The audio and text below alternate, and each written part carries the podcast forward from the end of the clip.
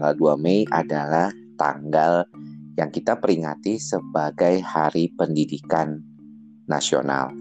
Nah, pada kesempatan kali ini saya mau berbincang sedikit serius. Selama ini mungkin kurang serius memang, tapi saya akan berbincang dengan teman saya, kebetulan adalah narasumber tetap di podcast saya ini, yaitu Dr. Ardian Pratama. Selamat malam, Dok. Apa kabar? Sehat?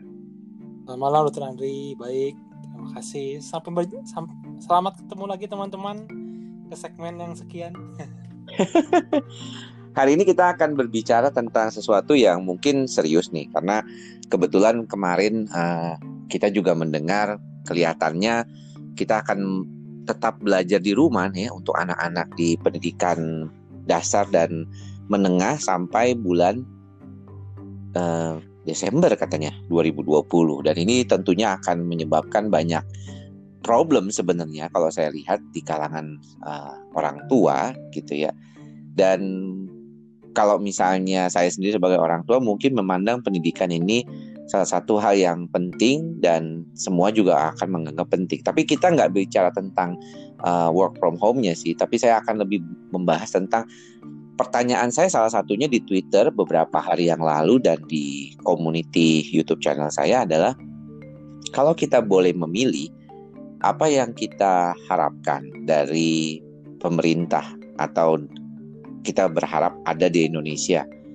apakah kesehatan yang paripurna artinya ada jaminan kesehatan atau pendidikan. Nah, menarik nih Dokter Ardian hasilnya saya lihat ternyata kalau kita melihat di Twitter ya waktu itu ada sekitar 1.500 orang yang menjawab pertanyaan ini dan lebih dari 81% itu menginginkan jaminan kesehatan penuh daripada jaminan pendidikan tinggi. Sedangkan di YouTube channel saya ada sekitar 1.500 juga suara mengatakan 87% menginginkan jaminan kesehatan penuh daripada jaminan pendidikan tinggi yang hanya 13%. Dan banyak orang mengatakan lebih baik sehat ya daripada uh, tidak sehat karena pendidikannya uh, tidak tinggi juga nggak apa-apa yang penting sehat begitu. Nah, menurut pendapatmu gimana nih? Kalau saya termasuk yang 19% kalau yang di YouTube. Saya memilih pendidikan. Hmm, ada alasannya gimana? Ya, kalau saya sih uh, alasannya saya berkaca dari orang tua saya ya. Ini pada kasus case per case ya. Hmm? Orang tua saya itu uh, jadi sarjana di waktu periode ekonomi boom uh, booming ekonomi di Indonesia sekitar tahun 70 sampai 80. Wow. kalau misalnya uh, kita kuliah kayak orang hmm. tua orang uh, ekonom ya, lulusan ekonomi, cari kerja itu uh, sangat mudah gitu dan jadi biasa waktu itu banyak diserap di sektor perbankan. Dan memang e, penghasilannya sangat lumayan gitu kalau kita ngomong-ngomongin penghasilan ya. Tapi pada yeah. saat yang lain e, ya, pendidikan itu juga membuka banyak hal membuka banyak cakrawala baru buat kita gitu. Jadi menurut saya sih kalau disuruh pilih pendidikan sama kesehatan saya lebih pilih pendidikan. Nanti kalau kita pendidikan kita bagus kita bisa dapat kerjaan bagus ya mungkin nanti kita juga bisa afford uh, kesehatan lebih baik gitu. Tapi saya mengerti sih kenapa orang-orang memilih kesehatan yang paripurna. Karena ya hmm. yang kita hargai memang kesehatan kan. Kita dokter sangat menghargai kesehatan gitu. Saya bisa ngerti sih. Tapi kalau saya lebih ke pendidikan. Hmm. tapi apakah mungkin uh, banyak yang menyebabkan hal tadi itu adalah mengapa survei itu akhirnya memilih uh, jaminan pendidikan di bawah jauh di bawah ya cuman sekitar 10-an persen nggak nyampe 15 persen bahkan ya dibandingkan uh, jaminan kesehatan. Atau karena saya mengungkapkannya pada saat-saat ini gitu. Apakah menurut dokter Ardian itu menjadi salah satu faktor yang menyebabkan kita jadi kemudian ingat bahwa wah iya ya kalau kesehatan ini kurang maka jadi akhirnya uh, kita tidak nyaman gitu. Atau misalnya uh, karena sesuatu hal yang mungkin terjadi gitu belakangan ini. Atau memang secara umum orang begitu gitu. Saya saya nggak tahu juga sih apa memang demikian gitu. Saya pikir tadinya uh, semakin modern seseorang orang akan lebih memilih pendidikan gitu. Atau memang tetap kesehatan menjadi nomor satu untuk lebih dipenuhi oleh pemerintah dalam hal ini. Uh, negara daripada pendidikan uh, jaminan pendidikan tinggi gitu. Hmm, kalau masalah karena sekarang kita lagi pandemi sih, menurut saya sih ada kemungkinan memang itu yang terjadi gitu. Sekarang orang lebih hmm. jadi mungkin mereka memilih secara sadar atau nggak sadar memilih kesehatan.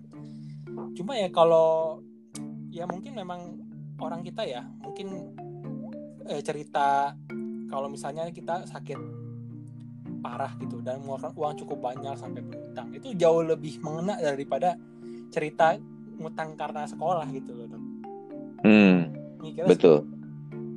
Jadi eh, apa pertimbangan mereka mungkin ke arah eh, nanti bagaimana kalau sakit kalau sakit kan sudah pasti nggak bisa kerja menghasilkan hmm. pengeluaran keluar terus dan banyak gitu ya sekolah memang menghadapi masalah yang sama tapi dengan intensitas yang lebih rendah Hmm. Mungkin mereka Apakah... begitu. Uh, kayaknya saya mau ke kesehatan aja. Tapi ya gimana ya? Kalau buat saya sih hmm. benar-benar penting. Kalau saya nggak sekolah, nggak mikir, nggak mikirin sekolah ya, Hah? mungkin dokter nanti narasumbernya orang lain gitu yang lebih mikirin sekolah. tapi apakah misalnya begini, um, saya nggak tahu hitungan pastinya, tapi yang saya tahu alokasi APBN negara kita itu untuk pendidikan lebih tinggi ya daripada kesehatan ya, kalau tidak salah ya. Iya benar. Kesehatan cuma sekitar satu atau dua persen kalau saya nggak salah ingat ya. Betul. Sedangkan pendidikan hampir 20 persen kan? Betul. Dan berarti itu artinya negara lebih mementingkan pendidikan daripada kesehatan. Apakah boleh saya menyimpulkan seperti itu? Waduh itu pertanyaannya berat. iya kan kalau misalnya kita melihat, misalnya contoh ya, keadaan seperti itu gitu. Hmm. Guru lebih banyak. Yang pasti orang sekolah ya jauh lebih banyak dibandingkan orang sekolah tuh banyak gitu loh. Uh, hmm. Mungkin kalau menurut saya ya, seperti kalau hmm. pendidikan lebih apa untuk soal SD memang lebih lebih lebih makan banyak orang gitu jadi yeah. mungkin dianggarkannya lebih besar seperti itu juga gitu Soalnya atau mungkin karena kita selalu menganggap bahwa kesehatan itu lebih fokus pada kesakitan karena kita kan sebagai dokter ini uh, penyembuh gitu ya uh, the healer gitu tapi basically kan dokter itu berasal dari kata dosher gitu ya yang artinya sebenarnya uh, guru lah ya dosen kan maksudnya di mana sebenarnya bukan sebagai agen penyembuh saja tetapi juga sebagai agen untuk memberikan suatu edukasi terhadap kesehatan masyarakat gitu. Namun apakah misalnya di dalam konteks ini berarti orang-orang ya melihat memandang jaminan kesehatan itu adalah ketika dia sakit gitu. Jadi dia berharap ketika dia sakit pemerintah dalam hal ini bisa menanggung mungkin lewat BPJS atau JKN sekarang uh, daripada misalnya pendidikan gitu yang mereka mengupayakan sendiri gitu. Saya saya nggak nggak terlalu bisa memahami juga sih tentunya, tetapi menarik sekali itu jemplang sekali ya. Saya kira tadinya akan ada orang yang 50-50 gitu ya atau 60 to 40 lah. Ini kan 80 lebih Satu banding 8... 5 ya hmm. Kenapa? Satu banding 5 kurang lebih kan. Betul. Artinya ini makanya saya menarik apakah ini karena masalah pandemi gitu ya dan konsisten loh maksud saya gini uh, Twitter saya dengan YouTube saya itu beda uh, punya komunitasnya ya di mana mungkin YouTube saya itu komunitasnya lebih banyak pasien ya yang menjadi follower dari 64 ribu lebih uh, yang menjadi subscriber YouTube channel saya itu 1.500 orang ikut memilih polling tersebut yang dilaksanakan satu hari waktu itu. Uh, saya melihat karakteristiknya biasanya orang ingin mencari informasi tentang uh, gangguan uh, kejiwaan yang jadi subscriber saya. Sedangkan Twitter kan lebih beragam. Saya punya 64 ribu uh, juga sekitaran 64 ribu uh, follower di Twitter, tapi sangat beragam. Ya mungkin yang mau ikut ya yang biasanya seneng gitu ikut-ikutan survei seperti itu gitu ya. tapi kok hasilnya nggak beda jauh loh.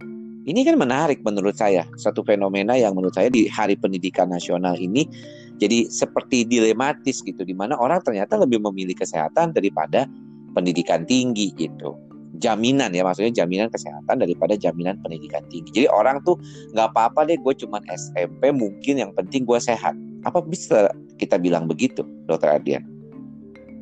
Saya rasa banyak orang yang berpikiran seperti itu gitu. Memang hmm. um, yang lebih dekat dengan eh, gimana? Ya, kan pada manusia itu pada dasarnya juga insting bertahan hidupnya tuh pasti besar kan. Iya. Mungkin bagi sebagian orang ya ya bukan sebagai orang seperti hasil survei itu juga mengatakan ya kesehatan itu lebih dekat dengan survival kan daripada pendidikan gitu. Betul, betul. Dan oh. berarti artinya kita nggak ada masalah gitu. Kalau misalnya pendidikan kita nggak terlalu tinggi kayak gitu. Yang penting kita sehat gitu ya. Hmm, kalau ini pertanyaan juga uh, kalau menurut saya ini pertanyaan yang yang sulit dijawab uh, salah satu gitu karena memang hmm. mereka punya argumen yang kuat. Tapi kalau saya tetap argumen saya di sekolah sih. Iya, karena tadi ketika dokter Ardian memulai perbincangan dan memberikan contoh orang tua di masa 80-an sudah beliau adalah seorang sarjana, saya yakin sekali beliau akan sangat mudah. Karena saya ingat banget waktu saya tahun 90-an aja, waktu itu lulusan SEMEA itu udah jadi supervisor kebanyakan kalau kerja di industri uh, manufaktur ya. Waktu itu misalnya di beberapa perusahaan pabrik seperti itu, kebanyakan kalau lulusan SMA atau SMEA itu sudah jadi supervisor gitu. Di mana saat ini kalau untuk jadi supervisor tuh harus sarjana dan mungkin sudah punya pengalaman kerja panjang kayak gitu ya. Jadi artinya apakah ini juga mempengaruhi gitu ketika seseorang uh, nantinya di dalam konteks pendidikan gitu makanya ada istilah wajib pendidikan dasar sampai menengah sekarang 9 tahun karena ketika dia melihat lingkungan sebelahnya itu tidak terlalu uh, tinggi pendidikannya tetapi dia punya usaha yang lebih bagus dan akhirnya menjadi orang yang sukses gitu di dalam materi itu akan membuat orang berpikir gak usah lah sekolah tinggi-tinggi yang penting nanti ulet dan berupaya gitu apa sih sebenarnya fungsi pendidikan kalau menurut Dokter Ardian di sini? Kalau kita mikir kalau ngomongin pendidikan ya, ya kalau kalau hmm. uh, fungsi pendidikan sendiri ya apa untuk menambah pengetahuan kita, untuk hmm. uh, mendapat pengetahuan yang cukup nanti untuk di dunia kerja gitu. Cuma ya yeah. saya bilang uh, kalau negara apa orang Indonesia tuh pemerintah Indonesia lebih tepatnya lebih suka ya apa ya pokoknya se semu semungkin pendidikan itu serelevan mungkin dengan uh, tempat kerja. Jadi suka banyak D3 vokasi. Ah, betul, uh, betul, betul. Kayak misalnya perawat atau asisten apoteker. Hmm. Ya tuh. Jadi yang sangat dekat dengan uh, dunia kerja gitu. Ya bisa itu. jadi dan uh, apa dari program Pak Presiden, Pak Presiden sendiri juga pengen memperbanyak orang-orang seperti itu gitu loh. Jadi tenaga, apa tenaga kerja yang siap pakai jadi hmm. kalau dilihat dari sisi perspektif pendidikan, ya makanya kan ada beberapa orang pendidikan tuh nggak gitu setuju soal itu gitu. Karena uh, ya jadi lu kayak misalnya kamu tuh cuma kayak uh, ya bener-bener sekolah tuh semata-mata buat kerja gitu, bukan buat menambah ilmu. Kalau orang pendidikan itu pasti menjadi masalah di situ gitu. Hmm, hmm. Karena kalau kita bicara dengan tadi di waktu saya masih kecil gitu ya di usia awal-awal tahun gitu itu kan tahun 80-an ya uh, 90 80 mau ke 90 ya. Itu kan kita kalau ditanya cita-cita mau jadi apa itu jadi dokter insinyur gitu ya uh, kerja gitu ya. Jadi apalagi kalau dulu tuh apa kepikiran jadi dokter. Nah ini menarik nih karena menurut saya uh, kalau kita berbicara tentang pendidikan dokter kita berdua ini berada di dalam sana ya. Artinya kita ini adalah hasil dari pendidikan kedokteran uh, di Indonesia gitu. Dan kalau saya sih melihat dulu saya nggak pernah punya cita-cita jadi dokter. Saya baru punya cita-cita jadi dokter itu ketika saya SMA.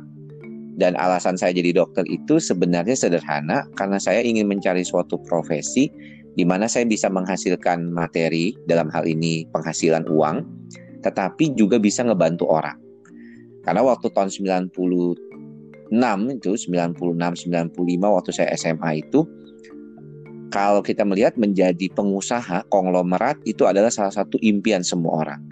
Dan waktu itu lagi boomingnya eh, ekonomi seolah-olah kita akan menjadi macan Asia dan konglomerasi dari berbagai macam perusahaan ini menjadi sesuatu yang ingin dicapai jadi orang gitu dan saya waktu itu kayaknya ekonomi hampir jadi pilihan semua ya untuk orang-orang keturunan Tionghoa seperti saya pengen masuk ekonomi gitu. Jadi jarang tuh orang uh, berpikir mau lain selain masuk fakultas ekonomi atau bahkan teknik industri di mana teknik industri itu juga kan waktu itu ya zamannya saya dengar itu berhubungan dengan manufaktur gitu. Jadi artinya berhubungan dengan suatu konsep bisnis. Jadi mendingan teknik industri, tekniknya dapat, ekonominya dapat. Waktu itu ceritanya seperti itu. Jadi artinya uh, waktu itu kita memilih sekolah kedokteran itu juga dengan tidak cita-cita dari kecil gitu. Nah, kalau dirimu gimana? Apakah memang uh, sudah dari sejak kecil gitu me menginginkan ingin jadi dokter atau bagaimana ceritanya? Kalau saya mungkin sedikit beda ya. Kalau saya sempat hmm. jadi dokter tuh waktu SD. Hmm. Dulu kan ada program UKS ya, selalu bilang dokter kecil. Oke. Okay. Itu menurut saya tuh wah kayaknya keren tuh dan dulu saya sempat ada bukan buku kedokteran sih cuma memang buku itu membahas kesehatan uh, punya papa gitu saya suka baca hmm. gitu dan oh jadi dok jadi kalau dulu di sana lucu deh jadi satu topik itu dia kayak ada iya dan tidak gitu jadi misalnya apakah anda misalnya nih kalau ngarah ke aku apa ngarah ke sakit perut tuh sakit perutnya uh, apa berulang atau enggak ya atau tidak gitu itu menurut saya sangat menarik gitu terus waktu uh. eh uh, keinginan itu hilang. Hmm. Waktu itu mungkin karena saya juga waktu SMP nggak begitu bagus ya pelajarannya, jadi mungkin mikirin ah ya udahlah mikirin buat apa ya yang penting lulus aja lah. Terus juga waktu itu lagi seneng-senengnya main. Hmm. Ah baru mulai muncul lagi. Waktu itu karena waktu itu kan masuk IPA, kepikirannya oh kuliah apa nih yang cocok. Saya matematika uh, fisika kimia cenderung nggak bagus gitu. Kurang lah terus mikir hmm. uh, biotek ya tapi biotek juga kayaknya waktu itu sempat uh, ikut apa uh, kayak open open house di UPH Universitas yeah. Harapan oh ternyata biotek tuh buat saya nggak menarik gitu terus saya pikir itu hmm. aja terus hmm. cita-cita lama oh ya udah deh daftar dan memang untungnya dapet gitu oke okay. jadi nah. kalau saya sih lebih ke saya sih nggak pernah mikirin nanti mau apa mau nolong orang atau apa gitu kalau saya sih nah. berarti nggak terlalu mikir itu. Saya lebih ke arah profesionalitas. Jadi okay. pokoknya kalau memang kerja ya kerja yang benar gitu. Jadi dokter yang baik mendiagnosa dengan baik mendengarkan pasien dengan baik. Kalau masalah nolong orang sih kalau saya sih nggak pernah terlalu mikir itu gitu. Jadi as a part of professional job sebenarnya nggak beda jauh dengan uh, kita memandang pekerjaan-pekerjaan lain seperti itu ya. Ya. Sama hmm gitu. Cuma ya akhirnya kayak dokter dan guru itu memang lebih suka oh kalian tuh menolong masyarakat gitu ya. Oke. Okay. agar disayangkan. Saya ya. Tapi saya pernah punya pengalaman ya waktu saya masih kuliah di awal tahun itu di uh, kedokteran di FKW itu ada sebagian bukan sebagian kecil tapi sebagian besar mereka masuk kedokteran itu karena permintaan orang tua ya. Kebetulan orang tuanya dokter atau dekat dengan dunia kesehatan ya kemudian mereka menjadi dokter gitu. Tidak banyak yang memang benar-benar niat pengen jadi dokter gitu awalnya gitu. Walaupun mereka jadi juga semuanya saya lihat teman-teman saya yang tadinya juga disuruh orang tua jadi dokter semuanya jadi dokter dengan bagus juga gitu. Dan itu juga terjadi pengalamannya pada adik kelas saya yang kebetulan istri saya sekarang gitu di mana temennya juga banyak yang jadi dokter itu karena disuruh gitu ya. Nah eh, menurut uh, dirimu ini uh, dalam artian berhubungan dengan pendidikan kedokteran, apakah kita sebenarnya lebih baik tuh kalau misalnya kita mau mendidik calon dokter itu lebih baik yang kayak apa misalnya? Uh, apakah ada requirement tertentu ya seorang yang akan jadi lebih baik secara uh, profesional di dalam kedokteran gitu ya di dalam artian sebagai seorang dokter dia akan menjalani profesinya dengan baik? Apakah dia lebih baik punya cita-cita dari kecil uh, kemudian juga punya cita-cita itu terus-terusan atau misalnya dia ingin menolong orang lain yang mana klisenya ketika teman-teman ditanya biasanya di awal-awal waktu mau masuk FK tuh begitu jawabannya. Kemudian apakah mungkin lebih baik seperti uh, Dokter Ardian yang mengatakan bahwa saya tuh memilih pekerjaan ini karena saya kira ini bagus profesionalnya dan saya bisa menghasilkan sesuatu dari ini dengan uh, dengan bekerja dengan baik di bidang ini gitu ya. Atau mungkin karena menginginkan meneruskan pekerjaan orang tua karena berada di lingkungan yang cukup uh, in, apa ya kondusif ya dalam hal ini dan kemudian mereka akan jauh lebih mudah seperti itu menurut saya semua faktor itu sih bermain. Cuma kalau ditanya apa yang paling uh, menentukan, menurut saya sih lebih ke arah ketekunan sama sifat mau belajar. Menurut saya dua itu yang paling. Kalau tanya hmm. uh, misalnya kalau orang tua dokter gitu, sebenarnya sih memang kalau dari sudut pandang saya yang orang tuanya bukan dokter ya lebih enak gitu. Jadi oh ya, jadi apalagi kalau orang tua dokter spesialis mungkin nanti jalan untuk ke sana mungkin bisa lebih lapang dibandingkan yang non bukan orang tua dokter spesialis barangkali pikiran saya seperti itu terus juga uh, masalah kepintaran ya kepintaran tuh sangat penting tapi bukan yang utama saya karena hmm. saya juga punya banyak teman-teman uh, yang memang tidak terlalu pintar gitu tapi ya karena tekun ya lulus ya lulus dengan nilai yang baik gitu Iya iya. Dan juga ya. kalau misalnya nah. uh, untuk uh, menolong orang lain kalau buat saya ya nggak begitu ngefek di proses loh tapi kalau nanti kita sebagai dokter ya sifat itu harus ada sih menurut saya. Cuma kalau proses yeah. nggak begitu ngefek sih kalau nggak begitu ngefek.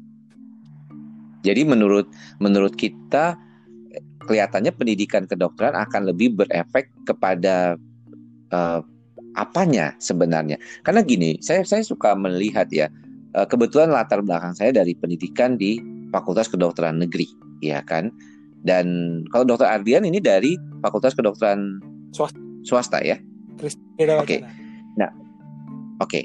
Nah, menurut uh, diri uh, sendiri gitu, apakah ada perbedaan gitu? Karena dulu tuh kita melihatnya bukan dulu sih sebenarnya baru-baru belakangan ini kan kita melihat ternyata sudah ada lebih dari 70 ya uh, fakultas kedokteran di Indonesia. Terakhir 74. Ya. Sekarang kata 74. 75 ya. Iya, pokoknya lebih dari 70 lah. Saya lupa 74 atau 75. Dan ketika itu ternyata orang bilang sebenarnya ini kebanyakan begitu. Ada yang beberapa orang bilang ini kebanyakan sehingga kualitasnya dokternya ini uh, tidak sama dan tidak merata. Ini menarik sih menurut saya karena kan tentunya pendidikan kedokteran ini bukan pendidikan yang main-main ya. Ini adalah suatu pendidikan untuk menjadikan seseorang sebagai profesional dalam melayani dan memberikan bantuan kepada orang lain berhubungan dengan nyawa manusia. Nah, ada kesan bahwa maka apa kalau saya punya teman dulu dia bilang bahwa sekarang sih dokter lagi naik daun nih, lagi dipuja-puja nih. Masalah pandemi sekarang ini membuat dokter Indonesia seperti kayaknya dipuja-puja di garda terdepan. Tapi belum lama yang lalu gitu ya, beberapa bulan yang lalu atau mungkin setahun dan dua tahunan belakang ini banyak ada sedikit uh, kecenderungan merendahkan gitu bahwa dokter Indonesia ini kualitasnya kurang baik gitu dibandingkan dokter dokter-dokter negara tetangga aja misalnya. Sebagian, saya bukan bilang semuanya karena tentunya banyak sekali dokter kita juga yang terkenal di dunia internasional. Tetapi kalau melihat secara setangkapan mata saja ada kesan demikian. Nah, menurutmu gitu ya di dalam konteks pendidikan kedokteran, kebetulan di Hari Pendidikan Nasional ini, apakah hal-hal tersebut menjadi salah satu faktor yang penting gitu. Ada yang salahkah dalam pendidikan kedokteran kita atau mungkin secara umum pendidikan perguruan tinggi kita gitu, pendidikan tinggi kita dalam hal ini? Kalau dibilang banyak yang harus diperbaiki benar, tapi kita jangan menutup mata sama prestasi eh, dari pendidikan kita gitu. Kayak di tempat kuliah hmm. itu ada anak Malaysia cukup banyak loh, 30 sampai 40 orang setiap angkatan. Yeah ya berarti di Ukrida ya? Jadi menurut saya ya berarti orang Malaysia mengakui dong pendidikan kita gitu. Meskipun mungkin hmm. uh, kita memang banyak dikritik gitu. Pendidik apa pendidikan kita masih kurang. Tapi nyata luar negeri pun mengakui gitu. Jadi menurut saya hmm. uh, kita juga jangan menutup mata sama prestasi kita gitu. Kalau dibilang hmm. uh, nggak apa uh, terlalu banyak kita memang bingung juga ya. Kadang-kadang dari WHO katanya pakai satu banding seribu. Kalau kita pakai satu banding seribu ya memang masih kurang. Tapi ada juga yang bilang kita kita negara dunia ketiga soalnya. Negara hmm. pakainya seri, satu banding 2500 ya, mungkin dukung hmm. juga. Tapi memang kalau uh, selalu jadi masalah klasik ya masalah penyebaran. Tuh jadi kalau hmm. nah, kayak di Jakarta itu kalau nggak salah satu banding 800 kalau nggak salah. Kita termasuk yang cukup gitu. Kalau pakai hmm. tahu ya cuma kalau pakai standarnya hmm. Singapura ya nggak cukup mereka nggak satu banding 500 kalau nggak salah hmm. tapi ya tapi kalau standar pendidikan gimana tadi saya sebutkan lebih ke standar pendidikan nah, artinya pendidikan menurut saya sih ini debatable ya kan ada yang hmm. nggak hmm. sama tapi kan kita sama-sama UKDI UKM PPD ujian iya. kompetensi yeah. untuk pendidikan dokter kita jadi ya kalau misalnya secara teori ya ya lulusan misalnya dari Universitas Indonesia sama Universitas Cendrawasih Halu Uleo. Ya kan mereka hmm. nilainya juga mirip-mirip. Misalnya kalau nilainya mirip-mirip ya berarti kualitasnya sama dong. Cuma saya yakin pasti banyak yang nggak setuju. Cuma ya uh, standarisasi itu ada gitu. Ya mungkin yeah. um, apa misalnya uh, kalau dibilang ada keku ada perbedaan pasti ada perbedaan. Cuma kita udah ada standarisasi gitu maksudnya ya uh, jangan pikir itu benar-benar jomplang gitu bedanya kalau buat saya sih hmm. Hmm. jadi artinya kalau misalnya dulu seperti ada uh, hal atau kesan bahwa lulusan Fakultas Kedokteran Negeri itu lebih baik daripada lulusan Fakultas Kedokteran swasta, uh, Dokter Ardian nggak setuju lah pastinya dengan dengan pendapat itu ya.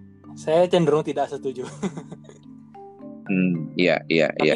Karena tadi Dokter Ardian mengatakan ada UKM PPD ya. Iya, hmm. hmm. Kalau boleh saya tambahin, memang uh, kalau kita ngelihat konteks pendidikan kedokteran sekitar 30 atau 40 tahun yang lalu, saya pernah baca yeah. biografinya Dr. Yasafati Kurnia itu yeah. uh, mantan kepala departemen farmakologi di Ukrida beliau tulis di buku yeah. biografinya jadi memang kalau zamannya beliau itu swasta itu ada penyetaraan lagi. Jadi lulus Betul. satu atau dua tahun lebih lama. Jadi yeah. uh, sigma itu dari situ gitu. Cuma sekarang kan kurang lebih ya sama saja gitu. Kita pakai standar yang sama untuk uh, mengukur kelulusan. Yeah waktu itu waktu saya memilih masuk ke Fakultas Kedokteran UI juga dan melewat UMPTN saat saya ditawarkan untuk masuk swasta juga oleh ayah saya sebagai cadangan itu saya tidak mau gitu ya. Karena waktu itu terkenal sekali lulusnya lama gitu ya kalau Fakultas Kedokteran swasta.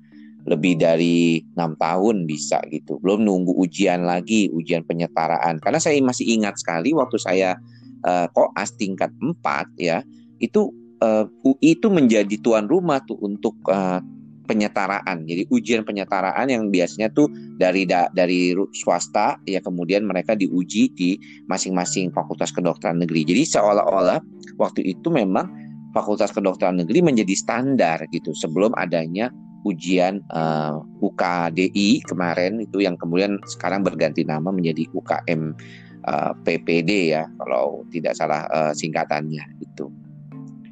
Jadi kalau misalnya ini kan uh, dokter Ardian ini kan belum lama lulus ya, uh, belum ada 10 tahun kan lulus jadi dokter kan? Lima tahun juga belum. belum ada lima tahun, berarti masih fresh sekali. Nah, uh, melihat uh, ketika berhubungan dengan teman-teman di dalam uh, saat menjalani pendidikan ataupun sekarang saat sudah bekerja gitu, apa yang menjadi perbedaan dok? Apakah memang ada seperti uh, perbedaan antara lulusan satu dengan lulusan lain. Di luar daripada orangnya ya kita tahu bahwa orang itu kan memang mempunyai peran juga ya kepribadian tentunya akan menjadi uh, salah satu faktor uh, penentu. Tetapi apakah pendidikan yang dari lulusan uh, swasta beda dengan negeri gitu atau yang misalnya dipaksa sama orang tua? Karena ada kesan kan kalau di swasta itu yang penting mampu gitu bayarnya.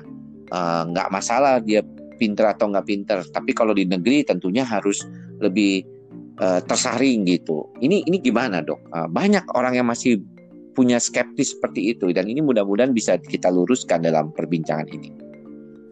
Kalau saya kan di tempat saya kerja tuh uh, kami juga ada uh, lulusan swasta sama negeri.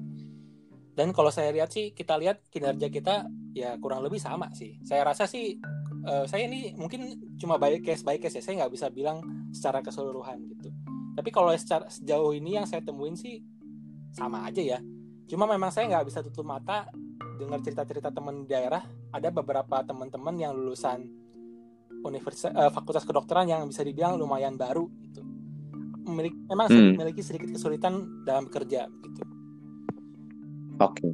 jadi mungkin yeah, mungkin yeah. lebih ke arah ya mungkin memang SDM uh, di fakultas mereka hmm. juga mungkin memang masih per tahap perbaikan gitu perlu banyak sekali untuk diimprove Hmm. Tapi saya mau coba uh, terangkan lebih jauh lagi dok. Sekarang itu penyerataannya gimana ya? Karena mungkin pendengar kita ini uh, masih banyak yang belum ngerti gitu. Bedanya apa sekarang kalau bilang dengan yang dulu kalau ada ujian yang saya tadi sebutkan juga di berbagai universitas negeri ya. Kalau untuk yang di swasta kemudian mereka disamaratakan di negeri gitu. Nah kalau sekarang kan tidak ya ada ujian uh, nasional gitu yang namanya UKDI dulu ujian kompetensi dokter Indonesia. Sekarang namanya ujian kompetensi UK apa tuh? Ya saya juga iya, nggak kepanjangannya saya juga. Iya iya. Nah itu apa yang diujikan dok? Apakah teori aja atau praktek aja?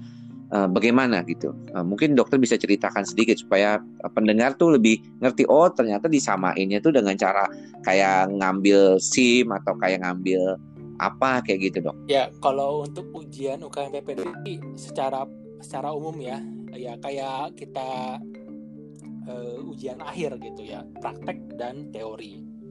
Teori kurang lebih hmm. 200 soal pilihan berganda kita kerjakan sama ujian praktek namanya kita bilangnya OSCE atau OSCE lah tergantung uh, kita mau pakai yeah. pelafalan Indonesia atau Inggris itu nanti di sana kita um, kayak ada beberapa ada stase sekitar 12 ya kalau saya nggak salah ingat nanti kita itu yeah. beda-beda kasusnya ada kasus gawat daruratan ada kasus penyakit dalam kulit mata uh, psikiatri juga ada pasti, pasti ada. ada memang yeah. kalau psikiatri itu memang memang momok sih karena memang kan pendekatan uh, anamnesanya agak berbeda sama yang lain gitu. Jadi kalau nggak terbiasa pusing juga. Apalagi kadang-kadang pasiennya tuh pin apa pasien percobaan perubahan dosis tuh pinter. Hmm. perubahan dosis tuh pinter. Kadang-kadang ngomongnya tuh bisa bener-bener um, apa harus pikirnya bener-bener meyakinkan. hmm sudah dilatih nah, ya. bener-bener uh, itu sudah apa udah ujian kira-kira nunggu sebulan baru tahu hasilnya Oke, setelah itu langsung bisa praktek atau uh, gimana dok? Apa perlu ada internship ya katanya sekarang namanya istilahnya ya? Internship. Uh, jadi uh, kalau pada uh, dengan undang-undang yang baru ya pokok atau hmm. saya lupa. Jadi dokter yang baru lulus itu dianggap belum mahir. Jadi internship adalah program pemahiran. Tahun okay. itu nanti kita dikirim ke daerah uh, per jam itu 8 bulan di rumah sakit 4 bulan di RS eh Oke. Okay. 8 bulan di rumah sakit, 4 bulan di puskesmas. Tapi uh, katanya sih nanti mau berubah lagi, tapi saya kurang tahu. Nah, tapi UKM PPD memang jadi momok sih dok, karena uh. um, saya nggak tahu sih sekarang ya. Tapi pas zaman saya itu kelulusan itu cuma sekitar 50 persen. Hmm. Dan yeah, uh, yeah. apa universitas universitas yang sudah established kayak UI, UGM, uh, Sriwijaya. Itu memang tinggi sekali. Mereka aja 80 90 kadang-kadang 100 gitu. Dan beberapa kampus memang masih iya. ada juga yang di bawah rata-rata nasional gitu. Ya rata-rata sih kampus-kampus yang di daerah gitu. Iya. Makanya ada istilah retaker ya karena mereka mengambil uh, ujian itu berulang-ulang gitu ya sampai bingung gitu nggak lulus-lulus juga gitu ya. Padahal udah lulus ujian lokal gitu ya sebagai dokter di ujian uh, universitasnya ya. Ini tinggal kompetensi ujian di tingkat nasionalnya ya, penyetaraannya ya. Hmm. Waktu itu tempat retaker hmm. itu bikin uh, bikin kayak gerakan gitu, hapuskan. Betul, saya pernah UKM PPD hmm. gitu. Ya karena ya. mereka nggak mereka ngomong Betul. gitu gitu. Kalau menurut saya sih yeah. kalau nggak ada kalau misalnya nggak nggak ada ujian ini standarisasinya pakai apa? Apa yang kita bisa iya. memastikan kalau kamu tuh benar-benar udah ya pengetahuan kamu skill kamu udah cukup jadi dokter kalau nggak ada susah juga gitu Iya, saya rasa ini sangat penting karena bagaimanapun ini kan eh, yang tadi saya bilang di depan ini adalah suatu profesi yang berhubungan dengan nyawa manusia ya kita nggak bisa main-main ya. Itu aja dengan kondisi seperti ini aja masih banyak orang yang uh, memberikan kesan tidak baik kepada dokter Indonesia ya. Ada beberapa pasien misalnya di dalam praktek saya sehari-hari ketika berurusan dengan sesuatu yang sifatnya bedah langsung memberikan uh, apa asumsi bahwa saya akan lebih baik uh, ditangani oleh dokter saya di Singapura atau di Malaysia sekarang gitu. Jadi ada kesan bahwa saya nggak mau lagi deh di Indonesia. Saya maunya kalau udah urusannya disuruh bedah kalau cuma batuk pilek ya nggak apa-apa deh gitu ya. Tapi kalau urusannya bedah-bedah saya mendingan keluar. Ini ada menarik juga makanya kadang-kadang kita yang praktisi di dalam praktek mungkin akan sedikit berbeda gitu ketika kita melihat adanya suatu uh, kenyataan yang masih ada seperti itu gitu belum adanya kepercayaan terhadap pendidikan kedokteran Indonesia yang bisa menghasilkan uh, dokter yang berkualitas menurut uh, standar tanda kutip sebagian besar masyarakat kita kayak gitu. Kalau saya sih mikirnya eh, gimana ya? Kalau misalnya kayak bedah gitu, kalau dokter bedah seperti bedah ortopedi, hmm. bedah saraf, plastik ya. Hmm mereka ada sasa hmm. luar loh mereka dikirim ke luar negeri ke Jepang ke R jadi mereka oh. belajar juga sama dokter yang kita pengen ke sana gitu jadi ya men nah ini perlu diketahui nih oleh banyak uh, masyarakat ya oh. pendengar kita nih bahwa ternyata kita tidak kalah kan sebenarnya dalam sistem pendidikan bahkan kita melihat juga uh, dunia internasional juga banyak mengakui dokter-dokter kita sebenarnya. Dan dulu ada sedikit cerita lucu dulu ada konsulen saya bedah saraf waktu itu kedatangan pasien eh, apa ya tumor otak. Hmm. Waktu itu berobat sama beliau, cuma lama nggak berobat. Ternyata pas bro pas datang itu udah keadaannya udah parah, habis opera, eh, sempat operasi di luar negeri. Ya beliau waktu itu agak agak kesel juga sampai ya waktu itu sih ngomongnya sampai bilang kenapa kamu nggak balik ke sana aja? Gitu. ya maksudnya uh, saya rasa sih uh, dokter kita juga bisa kok bersanding sama dokter-dokter yang di luar negeri. Ya. Sebagai penutup dokter Ardian saya juga nggak mau ngambil waktu dokter Ardian lebih banyak lagi. Apa pesan dokter Ardian di hari pendidikan nasional ini mungkin khususnya untuk pendidikan dokter di Indonesia? Uh, kalau untuk pendidikan dokter Indonesia, saya rasa uh, kalau yang sudah baik uh, seperti UKM PPD ini menurut saya sudah cukup baik, tolong dipertahankan. Kalau masalah yang lainnya cukup perlu dipertanyakan itu ya masalah biaya atau masalah akses untuk teman-teman uh, yang memang secara sosioekonomi lebih rendah gitu. Mungkin uh, apa? Mungkin hmm. negara harus bisa lebih aktif gitu maksudnya hmm. apakah dengan menyediakan kalau di swasta mungkin nggak ya dibiayai oh, negara ya gitu, kira-kira menurutmu ada kuota tersendiri hmm. jadi dari pihak uh, universitas uh, biayain uh, orang-orang dengan ya sosioekonomi rendah tapi mereka memiliki uh, bakat gitu saya sih pengennya hmm. kalau saya karena apakah karena ada kesan bahwa yang jadi dokter itu adalah orang kaya gitu um, belakangan ini? apa maksudnya stigma itu kuat sekali ya kalau yang masalah oh iya yang jadi dokter itu orang yang berduit aja gitu. Ya tapi enggak. Oh iya? Kayak beberapa dokter yang saya ikutin di Twitter mereka cerita ya ya hidupnya prihatin juga zaman kuliah gitu tapi ya sukses juga gitu. Iya, saya sendiri oh bukan dari orang yang ya tidak susah banget gitu, menengah gitu ya tapi nggak disebut kaya banget gitu. Makanya kenapa kalau di swasta waktu itu saya diminta uh, oleh ayah saya ya udah deh kita akan jual lah apa pun gitu untuk kamu supaya masuk ke dosa saya bilang jangan saya nggak mau lah uh, membuang-buang harta uh, orang tua untuk sesuatu yang saya masih ragu juga waktu itu kalau saya masuk swasta gitu apakah bisa lulus dengan tepat waktu cepat bisa hal-hal seperti itu masih kayaknya membuat khawatir. Tapi Eh, menarik tuh tadi kalau misalnya biaya uh, menjadi salah satu uh, apa ya problem yang yang sangat menjadi uh, diperbincangkan. Maksudnya bahwa berarti orang bilang bahwa yang masuk kedokteran itu adalah orang kaya gitu. Maksudnya di swasta maupun di negeri atau gimana? Kalau saya lihat sih memang mungkin ya kalau secara sosioekonomi ya kalau anak-anak negeri mungkin mungkin yang memang uh, sosial apa yang penghasilannya tuh lebih mepet mungkin banyak di negeri. Cuma ya di swasta kayak teman-teman saya juga beberapa banyak kok yang yang memang juga mepet gitu. Uh, kan ya iya iya. Saya juga menyadari kalau ada beberapa teman uh, teman-temanmu dulu gitu ya yang minta bantuan juga gitu ya untuk uh, menunda pembayaran atau misalnya uh, mencoba menegosiasikan seperti itu gitu ya karena memang nggak semuanya gitu. Nah ini kalau tiba-tiba ada pikiran bahwa yang jadi dokter itu adalah harus orang kaya uh, ataupun mungkin yang punya duit aja gitu, itu kan sangat sayang ya karena banyak juga orang-orang di luar sana. Waktu itu saya ingat banget Prof Ari uh, Varial, uh, dosen uh, di FKUI dan kebetulan beliau sekarang menjadi dekan FKUI itu sempat uh, memberikan statement ya pernyataan bahkan masuk berita itu ya di beberapa koran yang ada salah satu anak tidak mampu bisa berhasil masuk menjadi seolah um, seorang mahasiswa kedokteran gitu ya waktu itu. Pernah ingat nggak waktu itu ada tapi cerita saya ingat sih kalau Prof Ari yang ngomong. Tapi sih kayaknya ya Prof Ari.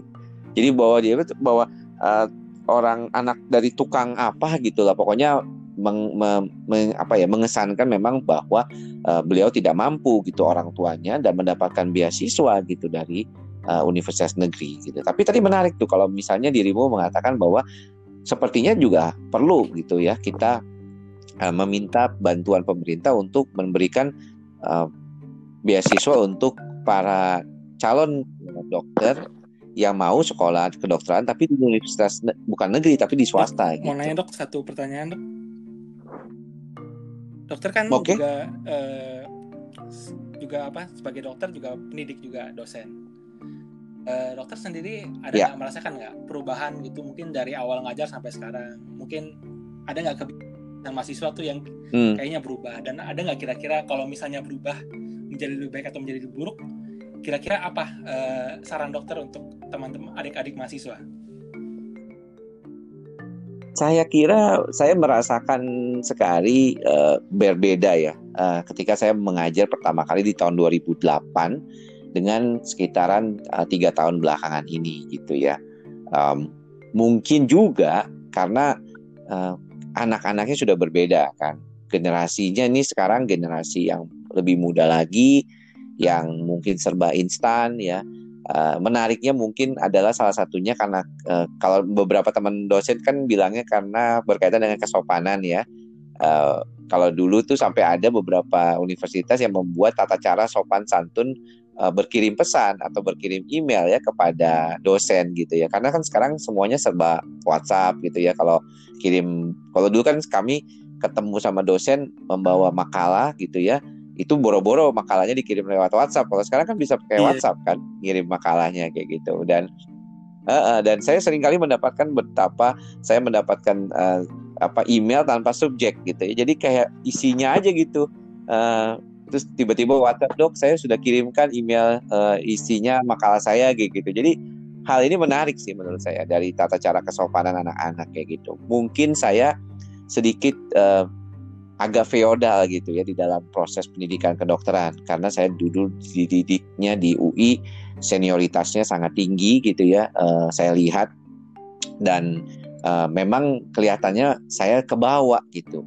Ini yang mungkin sebagai dosen juga sebagai refleksi buat saya sendiri ya. Harusnya saya juga tidak begitu ya tidak begitu. Jadi mungkin uh, saya harus menurunkan ekspektasi saya atau memang saya tidak menerima perubahan itu terjadi gitu. Jadi mungkin ada dua problem seperti itu dari sisi saya sebagai dosen.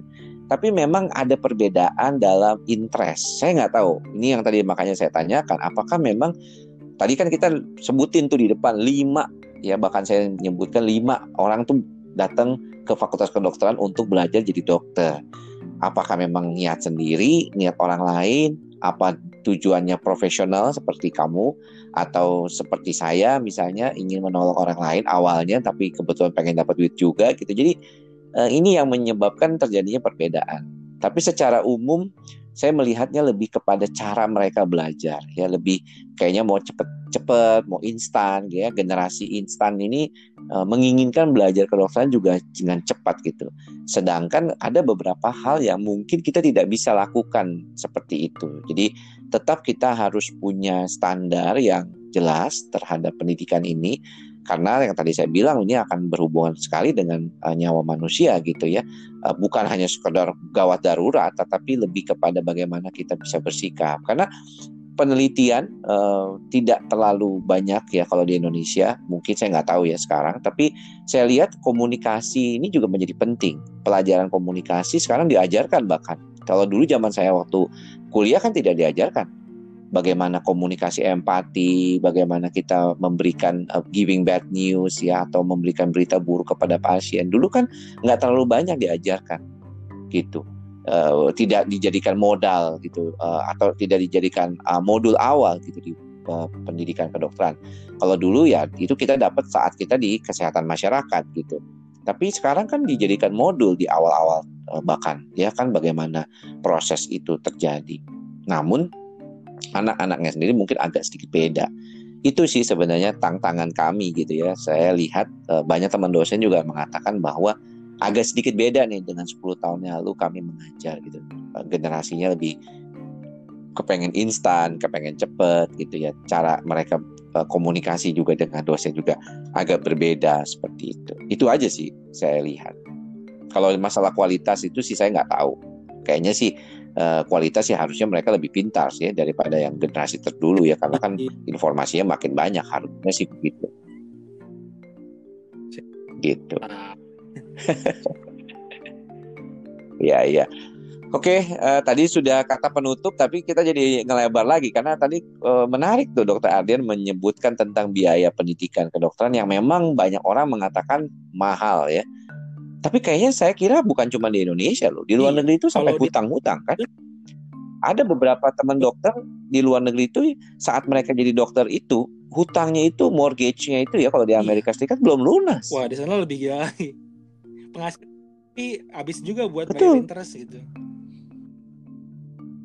Hmm, ini menarik. Cuma kalau dulu kayaknya tuh beberapa orang yang bingung tuh pendidikan nanti kita bicarakan lebih lanjut lagi nah, masalah pendidikan residensi atau pendidikan spesialis ya yang mana dibandingkan dengan di luar negeri uh, kalau di Amerika Serikat kan pendidikan spesialis itu di hospital base ya di rumah sakit base-nya ya kalau di Indonesia kan masih universitas base dan hanya fakultas kedokteran negeri yang bisa menyelenggarakan. Kemudian uh, kalau di luar negeri di Amerika misalnya yang saya tahu lebih banyak itu adalah dibayar gitu ya, tetap diberikan karena mereka kan sudah profesional gitu kan. Kalau di sini kan uh, kebanyakan membayar gitu ya, malah gitu untuk pendidikan residensi gitu. Jadi bukan seperti uh, di luar negeri. Memang ini beda sih. Uh, perbedaan ini yang mungkin Eh, sedikit banyak juga mempengaruhi kan uh, orang kenapa ada kesan harus jadi orang kaya untuk jadi dokter. Ini yang yang menarik sebenarnya. Mungkin kita akan bahas kali dokter Adian pada kesempatan yang lain ya. Terima kasih sudah bergabung bersama saya di podcast Psikosomatik Dokter Andri. Hari ini kita berbicara tentang masalah pendidikan pada umumnya dan terakhir tadi kita bicara tentang pendidikan kedokteran. Mudah-mudahan apa yang kami sampaikan berdua, saya dan Dr. Ardian Pratama, bisa bermanfaat, mendapatkan insight. Kami berdua tentunya mendapatkan insight dari obrolan ini juga. Saya mendapatkan insight banyak sekali dari Dr. Ardian tadi. Dan saya harap pendengar juga mendapatkan hal yang demikian sama dengan saya dan Dr. Ardian. Terima kasih Dr. Ardian sudah menyempatkan diri berbagi Ardian kembali dong. di podcast saya. Ya, selamat Siap. bekerja kembali. Mudah-mudahan hari ini aman, sejahtera, dan pasiennya semua dalam keadaan baik dan sehat. Ya, semoga segera mereka cepat sembuh. Sampai bertemu lagi, teman-teman, di lain kesempatan. Salam.